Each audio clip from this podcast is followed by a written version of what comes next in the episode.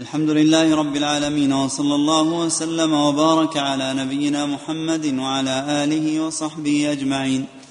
أما بعد وفي هذا اليوم الحادي عشر من شهر جماد الآخرة لعام أربعة وثلاثين وأربعمائة وألف ينعقد المجلس التاسع في شرح كتاب الإيمان من صحيح الإمام البخاري رحمه الله تعالى.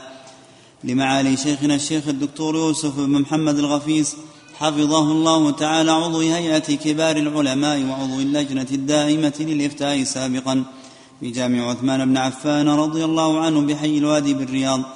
قال رحمه الله تعالى باب إذا لم يكن الإسلام على الحقيقة وكان على الاستسلام أو الخوف من القتل. لقوله عز وجل قالت الأعراب آمنا قل لم تؤمنوا ولكن قولوا أسلمنا. فإذا كان على الحقيقة فهو على قوله إن الدين عند الله الإسلام ومن يبتغ غير الإسلام دينا فلن يقبل منه. حدثنا أبو اليمان قال أخبرنا شعيب عن الزهري قال أخبرني عامر بن سعد بن أبي وقاص عن سعد أن رسول الله صلى الله عليه وسلم أن رسول الله صلى الله عليه وسلم أعطى رهطا وسعد جالس فترك رسول الله صلى الله عليه وسلم فترك رسول الله صلى الله عليه وسلم رجلا, رجلا هو أعجبهم إليه. فقلت يا رسول الله ما لك عن فلان؟ فوالله إني لأراه مؤمنا. قال أو مسلما. فسكت قليلا فسكت قليلا ثم غلبني, ما أعلم منه. فقلت ما لك عن فلان فوالله إني لأراه مؤمنا فقال أو مسلما فسكت قليلا ثم غلبني ما أعلم منه فعدت لمقالتي وعاد رسول الله صلى الله عليه وسلم ثم قال يا سعد إني لاعطي الرجل وغيره أحب إلي منه خشية أن يكبه الله في النار. رواه يونس وصالح ومعمر وابن أخي الزهري عن الزهري. الحمد لله رب العالمين وصلى الله وسلم على عبده ورسوله نبينا محمد وآله وصحبه وسلم تسليما. قال الإمام البخاري رحمه الله باب إذا لم يكن الإسلام على الحقيقة وكان على الاستسلام أو الخوف من القتل. لقول الله تعالى قالت الأعراب آمنا قل لم تؤمنوا ولكن قولوا أسلمنا. فهم عن الإمام البخاري عند طائفة أنه يسوي بين اسم الإيمان والإسلام. أنه يسوي بين الإسلام والإيمان. ويجعل ما ورد في الآية من فهم هذا عن الإمام البخاري جعلوا هذا معرفا بمذهب الإمام البخاري. وهو قوله إذا كان إذا لم يكن الإسلام على الحقيقة. وكان على الاستسلام أو الخوف من القتل. ثم قال بعد ذلك فإذا كان على الحقيقة فهو على قوله جل ذكره إن الدين عند الله الإسلام. إن الدين عند الله الإسلام وهذا يدخل فيه جميع الشرائع فيكون على معنى الإيمان. فيكون على معنى الإيمان. وهذا المذهب لم يصرح الإمام البخاري به تصريحا تاما لم يصرح البخاري إلى أنه في سائر السياقات التي وردت في الكتاب والسنة فيها ذكر لاسم الإسلام والإيمان يجعل اسم الإسلام والإيمان على معنى سواء ويجعل ما أثبت من الإسلام ونفي من الإيمان يجعله على معناه اللغوي وليس على معناه الشرعي. هذا المذهب بهذا الوصف لم ينضبط للإمام البخاري وإنما فهم عنه من بعض السياق الذي ذكره كهذا التبويب في صحيحه. وتبويبه هذا لا يدل على لزوم هذا المذهب عنه لأن هذا كما ترى في سياق في سياق إيش؟ في سياق معين وإذا صدق في سياق معين لم يلزم صدقه على جميع السياقات. فإنه رأى في الآية التي ذكر فيها الأعراب وهي قول الله جل وعلا قالت الأعراب آمنا قل لم تؤمنوا ولكن قولوا أسلمنا ولما يدخل الإيمان في قلوبكم. فوجد من سياق الآية وأن الله سبحانه نفى دخول الإيمان في قلوبهم وأنهم لم يطيعوا الله ورسوله كما في تمام الآية ما يدل على أنهم لم يطيعوا. رأى في سياق الآية دلالة على أن الإسلام الذي أثبت لهم ولكن قولوا أسلمنا أنه الاستسلام خوف القتل. وتفسير الآية المعينة هنا بهذا المعنى تفسير محتمل. وإن كان الجمهور يقولون في تفسير الآية إن الإسلام الذي ذكر في الأعراب ذكر للأعراب هنا هو إسلام بمعنى أنهم أتوا بأصل الشهادة ولكنهم ما حققوا الإيمان التحقيق الكامل. كما أنك تقول في العاصي إنه مسلم وكما قال النبي لا يزني الزاني حين يزني وهو مؤمن مع أنك تسمي الزاني مسلما ولا يسرق السارق حين يسرق وهو مؤمن مع أنك تسمي السارق بالإجماع مسلما وإسلامه حقيقة. وليس إسلاما بمعنى الاستسلام خوف السيف وما إلى ذلك. وهذا المعنى لا ينازع فيه الإمام البخاري رحمه الله. لا ينازع فيه البخاري. فإذا ما نسب إلى الإمام البخاري من أنه يسوي بين معنى الإسلام والإيمان مطلقا وإذا ورد نص ميز هذا عن هذا حمله كما في هذا على الاستسلام خوف القتل أي على المعنى اللغوي وليس على المعنى الثابت في الشريعة. هذا فهم عن البخاري لسياق معين والسياق المعين لا يوجب الحكم العام. وهذا مضطرد حتى في فهم الإيمان فإنما يفسر به سياق معين. لا يلزم أن يكون مفيدا لسائر السياقات بنفس الدرجة بل هذا من تنوع الدلالات في القرآن. وإلا فالآية مختلف فيها فمنهم من يقول وهو مذهب الجمهور ولكن قولوا أسلمنا أن في الآية إثبات الإسلام لهم ولكنه دون تحقيق الإيمان. ويجعلون الإسلام المثبت هنا مع نفي الإيمان ينصرف إلى ماذا؟ ينصرف إلى أصل الإيمان وأصل الإيمان يسمى إسلاما. في سائر وأصل الإيمان يسمى إسلاما في ماذا؟ في سائر الموارد.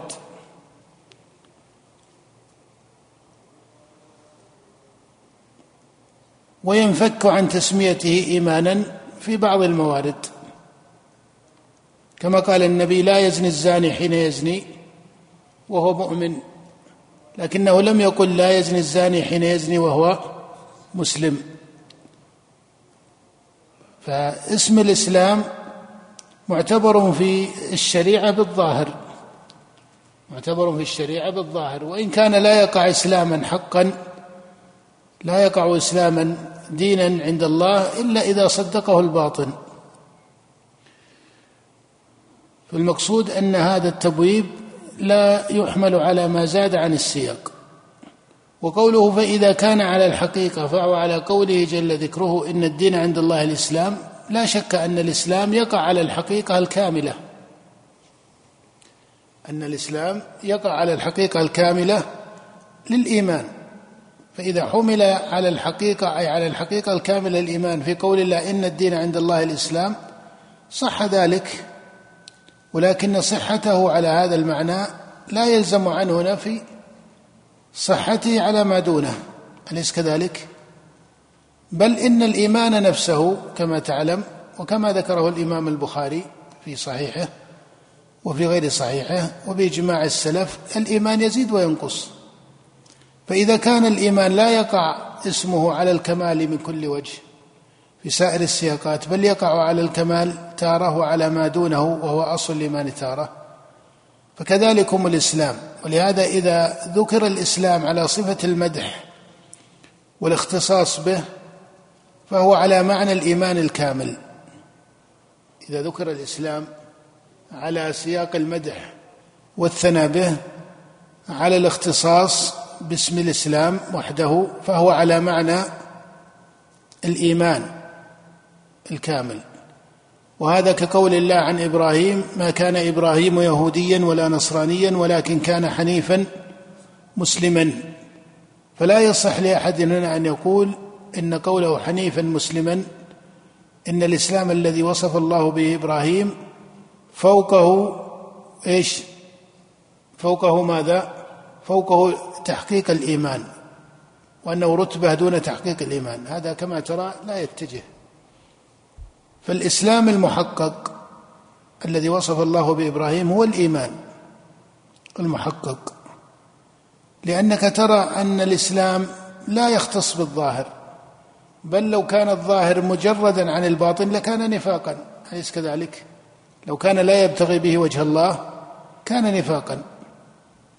فإذا كان كذلك فجميع ما شرع الله ورسوله من الأقوال والأعمال الظاهرة والباطنة هي إيمان وهي ماذا؟ جميع ما شرع الله ورسوله هي إيمان وهي إسلام.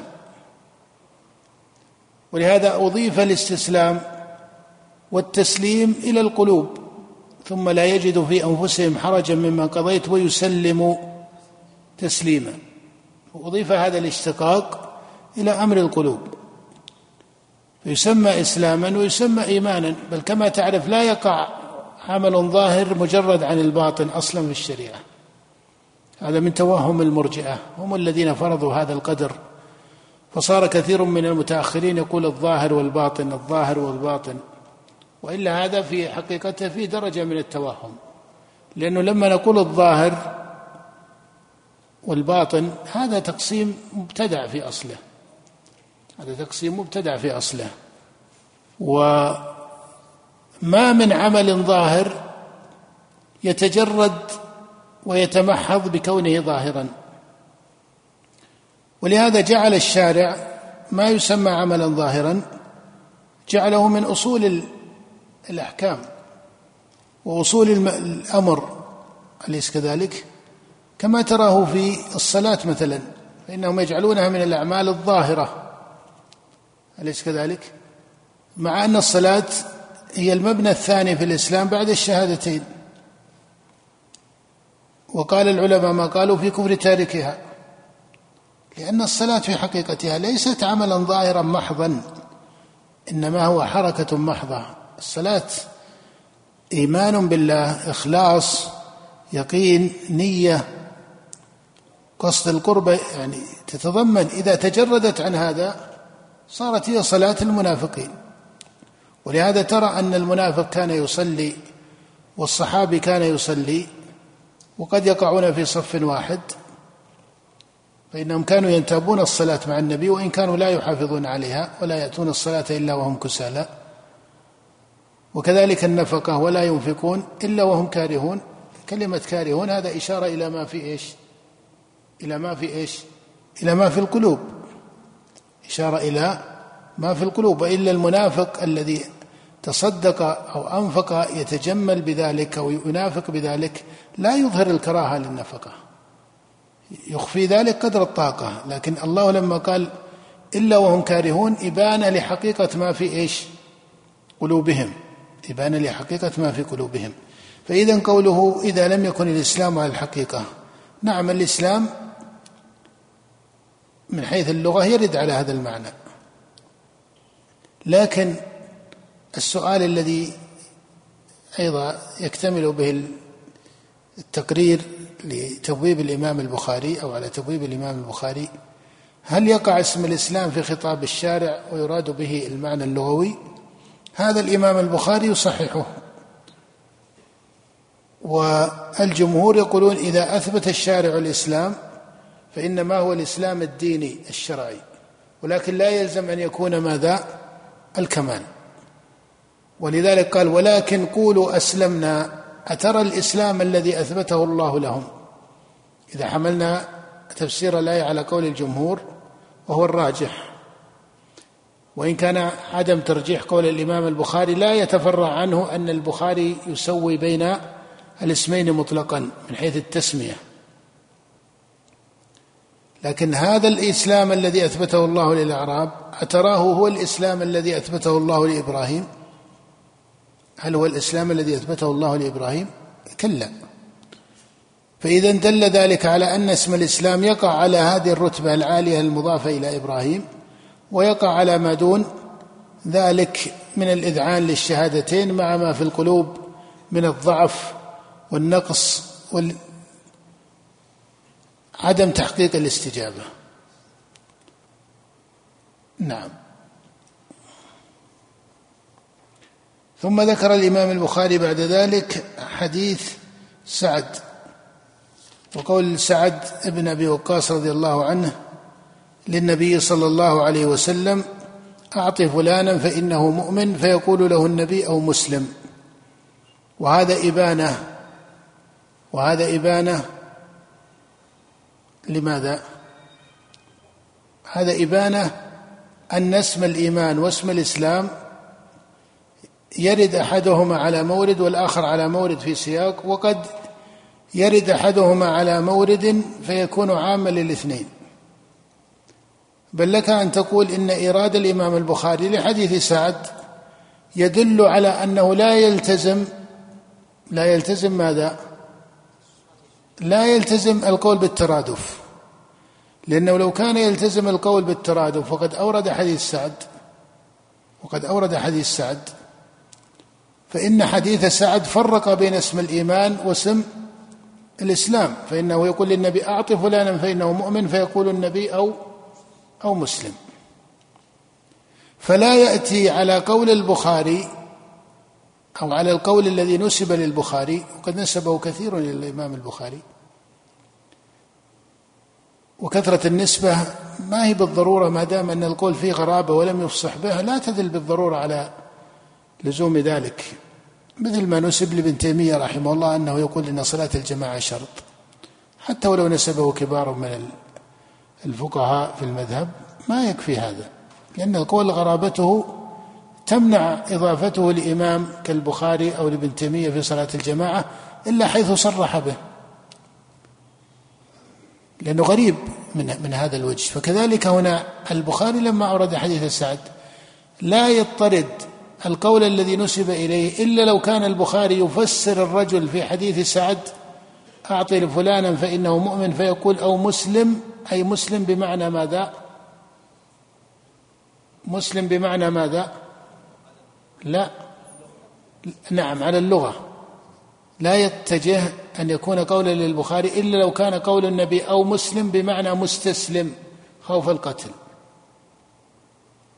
سعد يقول أعط فلانا فإنه مؤمن فيقول النبي أو مسلم. لو كان البخاري يجعل الإسلام والإيمان واحدا في سائر الموارد وفي سائر السياقات فإذا فرق الشارع بينهما حمله على المعنى اللغوي كما في الآية. للزم أن يكون الإمام البخاري يحمل حديث سعد أو مسلم على معنى مسلم بمعنى مستسلم خوف القتل. مثل ما قال قالت الأعراب آمنا قل لم تؤمنوا ولكن قولوا أسلمنا أي استسلمنا خوف السيف والقتل. وهذا لم يقل به البخاري رحمه الله. وحديث سعد صريح في منعه لأن النبي قال في تمامه لأن النبي صلى الله عليه وآله وسلم قال في تمامه ماذا؟ قال إني لأعطي الرجل وغيره أحب إلي منه فدل على أن المتروك الذي سمي مسلما في كلام الرسول عليه الصلاة والسلام هو أقرب الرجلين أقرب الرجلين محبة إلى من؟ إلى النبي عليه الصلاة والسلام من هم الرجلان؟ من هم الرجلان؟ المعطى وغير المعطى. إن إني لأعطي الرجل وغيره أي الذي لم يعطى. وهو الذي قال عنه هنا إنه إيش؟ إنه مسلم. قال إني لأعطي الرجل وغيره أحب إلي منه مخافة أن يكبه الله في النار. دل ذلك على أن المتروك عن العطاء أحب إلى النبي من من المعطى. فإذا كان المتروك أحب إلى النبي من المعطى دل على أن المتروك هنا مسلم بمعنى مستسلم خوف القتل وإلا مسلم بمعنى الإسلام الشرعي. الإسلام الشرعي. الآية كما قلت تحتمل أن تفسر بالاستسلام وأخذوا ذلك من قوله ولما يدخل الإيمان في قلوبكم وإن تطيعوا الله ورسوله ففيها تعريض بحال الأعراب. بخلاف هذا فإن النبي يقول إني لأعطي الرجل وغيره أحب إلي منه حتى لا يرد قوله أو مسلم على أن يتوهم أن في الرجل نفاقا أو شيئا من ذلك. وبين من حال الحديث أن النبي صلى الله عليه وسلم ما كان يعطي كافرا. ما كان يعطي رجلا كافرا. إنما كان يعطي مسلمين ولكنهم حدثاء عهد. ولهذا قال مخافة أن يكبه الله في النار. وتعلم أن الكافر أن الكافر لو أعطي واضح ما قدم هذا العطاء في كون لأنه كافر. لكن بعض المؤلفة قلوبهم يعطى فيكون هذا العطاء مطمئنا لنفسه ومؤلفا لنفسه. فإذا كان صاحب الحال الأدنى قال عنه النبي مخافة أن يكبه الله في النار. صاحب الحال الأدنى من هو؟ في الحديث المعطى. إذا كان المعطى قال النبي مخافة أن يكبه الله في النار معناه أن الأصل أنه من أهل الرجاء وأن الإيمان تثبيت وأن العطاء تثبيت لإيمانه وإسلامه. فدل على أن الأعلى منه مقاما في كلام النبي وهو قول أحب إلي منه. قد تحقق الإسلام عنده تحققا شرعيا وإن لم يكن كاملا أو لا يلزم أن يكون كاملا. لكن تحقق تحققا شرعيا وليس على معنى الاستسلام أو خوف القتل. ولهذا نقول من فهم عن الإمام البخاري التسوية فمن باب أولى أن يفهم عنه خلاف ذلك في إرادة لحديث سعد. البخاري قال إن الإسلام يرد على معنى الاستسلام هذا محتمل. وقال إن الإسلام يكون على الحقيقة بمعنى الإيمان هذا أيضا صحيح. ولكن من حيث التسمية فإن تسمية الإيمان في النصوص أعلى رتبة من تسمية الإسلام إلا إذا جاء الإسلام على سياق التمام يراد به تحقيق الإيمان كقوله عن إبراهيم ولكن كان حنيفا مسلما. ولهذا الشارع كما سمى المباني الخمسة سماها إسلاما. في حديث عبد الله بن عمر بني الإسلام على خمس سماها في حديث عبد القيس الذي رواه ابن عباس وأبو سعيد الخدري وهو في الصحيحين من حديث ابن عباس. وأخرجه مسلم من حديث أبي سعيد سمى النبي صلى الله عليه وسلم المباني الظاهرة كما يعبر سماها إيش؟ سماها إيمانا. لما قال آمركم بالإيمان بالله وحده أتدرون ما الإيمان بالله وحده؟ قال الله ورسوله لم قال شهادة أن لا إله إلا الله وأن محمد رسول الله وإقام الصلاة وإيتاء الزكاة وصوم رمضان وأن تؤدوا خمسا من المغنم. فسمى ذلك إيمانا. وهذا دليل من أقوى الأدلة عند أئمة السنة على أن الأعمال التي تسمى الأعمال الظاهرة إيش؟ داخلة في اسم الإيمان. لأن النبي قال آمركم بالإيمان ثم فسر الإيمان بالصلاة والصيام ونحو ذلك. بل وحتى بإظهار الشهادتين. قال شهادة أن لا إله إلا الله. نعم. باب باب السلام من الإسلام. وقال عمار ثلاث من جمعهن جمع الإيمان. الإنصاف من نفسك وبذل فإن قيل فإن قيل إذا كان الرجل المذكور في حديث سعد مسلم من جهة أن معه الإسلام الديني الشرعي سواء كان قدر على التمام أو دونه إنما هو إسلام ديني على الحقيقة. فلماذا النبي لم يجز لسعد أن يسميه أن يسميه ماذا؟ لماذا قال لسعد أو مسلم غير مرة؟ لماذا قال لسعد أو مسلم غير مرة؟ يقال هنا في قول النبي صلى الله عليه وسلم لسعد أو مسلم تأمل هذا قوله لسعد أو مسلم دليل على أن هذا النقل ليس على سبيل القطع لأن النبي ما نهى سعدا ولا أبطل تسميته مؤمنا بل كان يقول أو مسلم. وهذا نوع من الالتفات والعدول إلى الاسم الأليق في هذا السياق. ونوع من الالتفات والعدول إلى الاسم الأليق في هذا السياق. وليس مفصحا بمنع تسميته مؤمنا على سبيل اللزوم. ولهذا كان سعد قد استقر عنده أن من كان مسلما يصح أن يسمى إيش؟ مؤمنا. فإن قيل إن النبي قال له أو مسلم لم يقل له النبي لا. بل كان الشارع يعدل بكلمة أو ماذا؟ أو مسلم فهو عدول إلى الأليق في هذا السياق. لأن من معه أصل الدين. يصح أن يسمى مسلما ويصح أن يسمى إيش؟ مؤمنا. ألا ترى أن الله جل وعلا في الكفارة قال فتحرير رقبة مؤمنة. فتحرير رقبة مؤمنة. فسمى الله الرقبة هنا وصاحبها سماه ماذا؟ مؤمنا. مع أنه لا يراد به ماذا؟ لا يراد به المحقق للإيمان أي الكامل الإيمان أو السابق بالخيرات بل يدخل فيه كل من صح دينه كل من صح إسلامه. ولهذا أجمع الفقهاء على أنه لو أعتق في الكفارة لو أعتق فاسقا صح عتقه ولم يصح صح وصحت الكفارة به. فإذا قوله إذا قوله فتحرير رقبة مؤمنة ولم ولم يقل النبي أو لم يمضي النبي لسعد كلمة أعط فلانا فإنه مؤمن ما السبب؟ السبب يعود إلى ماذا؟ إلى اختلاف السياق السياق في الآية سياق كفارة وإعتاق فإذا كان في باب العتق والكفارة قيل كل مسلم فإنه إيش؟ مؤمن أي مؤمن بما معه من أصل الإيمان حتى ولو كان عاصيا. وإذا كان في مقام الثناء والتزكية وإذا كان في مقام الثناء والتزكية المتمحضة سعد يقول أعطي يا رسول الله فلانا فإنه مؤمن على سبيل إيش؟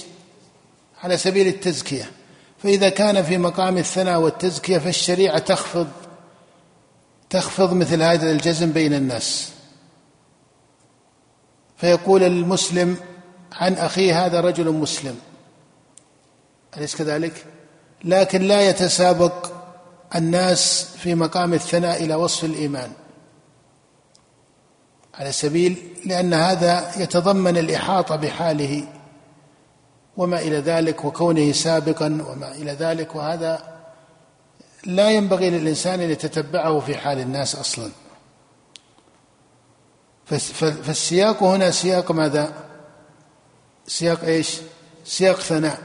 فكان النبي يريد أن يخفض الثناء إلى أن يقال ما هو يقينه فيه فيقال هو مسلم. ولهذا فيما يظهر لي أن قول النبي أو مسلم ليس فيه مادة من إيش؟ من المنع والإغلاق التام بل فيه عدول إلى الحكمة الفاضلة ولا يفيد أنه لا يجوز أن يسمى مؤمنا مطلقا. هذا لا لا يفيده السياق. فإن الله سمى ذلك مؤمنا.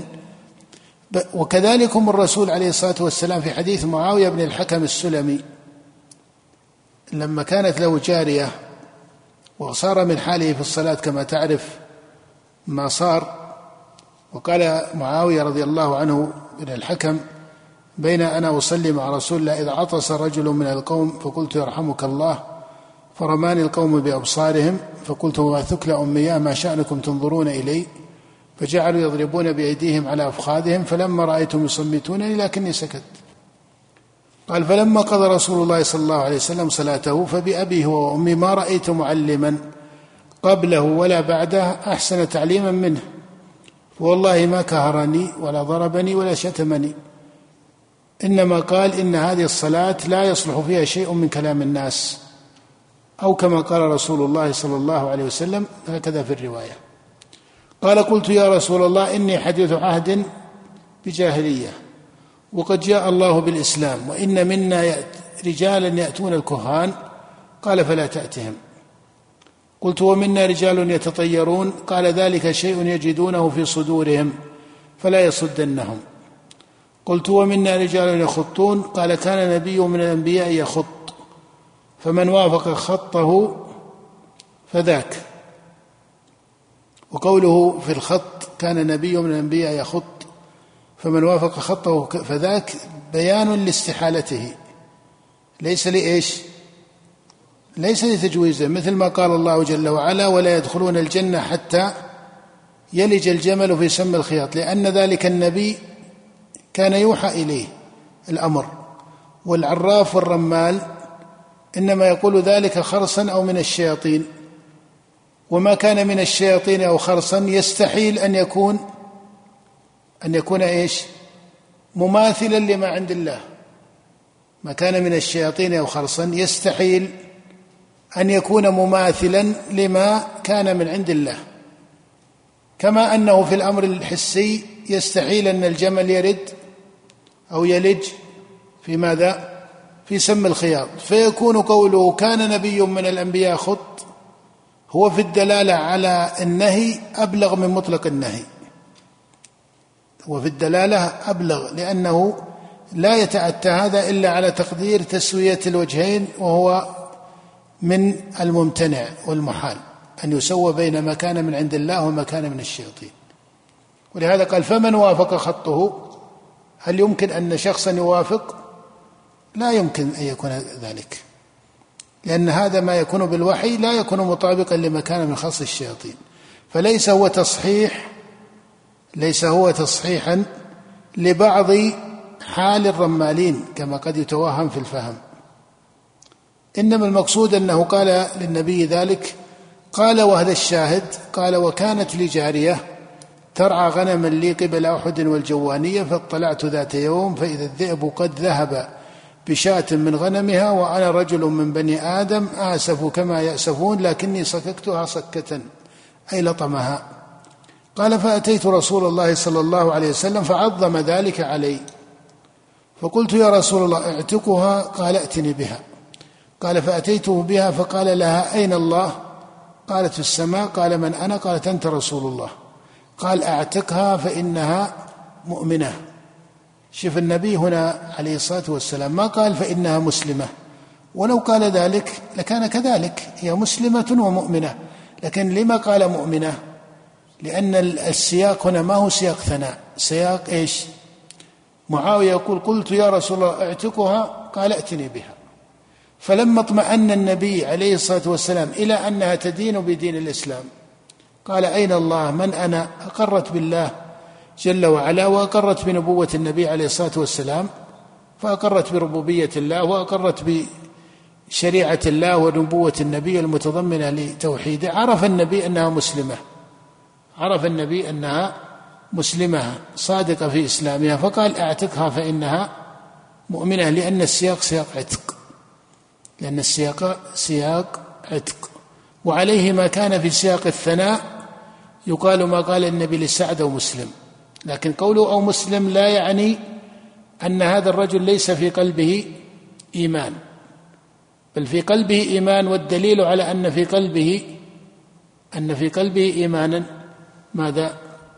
أن النبي سماه مسلما وأن النبي قال وغيره أحب إلي منه وأنه قال في الأدنى منه مخافة أن يكبه الله في النار. فهذه ثلاثة وجوه داله على أن من سماه النبي مسلما هنا معه من الإيمان أصل يسمى به في محل آخر مؤمنا بمعنى هذا الرجل في حديث سعد لو كان عبدا لو كان عبدا فأريد عتقه ألا يقال إنه إيش؟ لو كان هذا الرجل عبدا فأريد عتقه ألا يقال إنه مؤمن فيعتق؟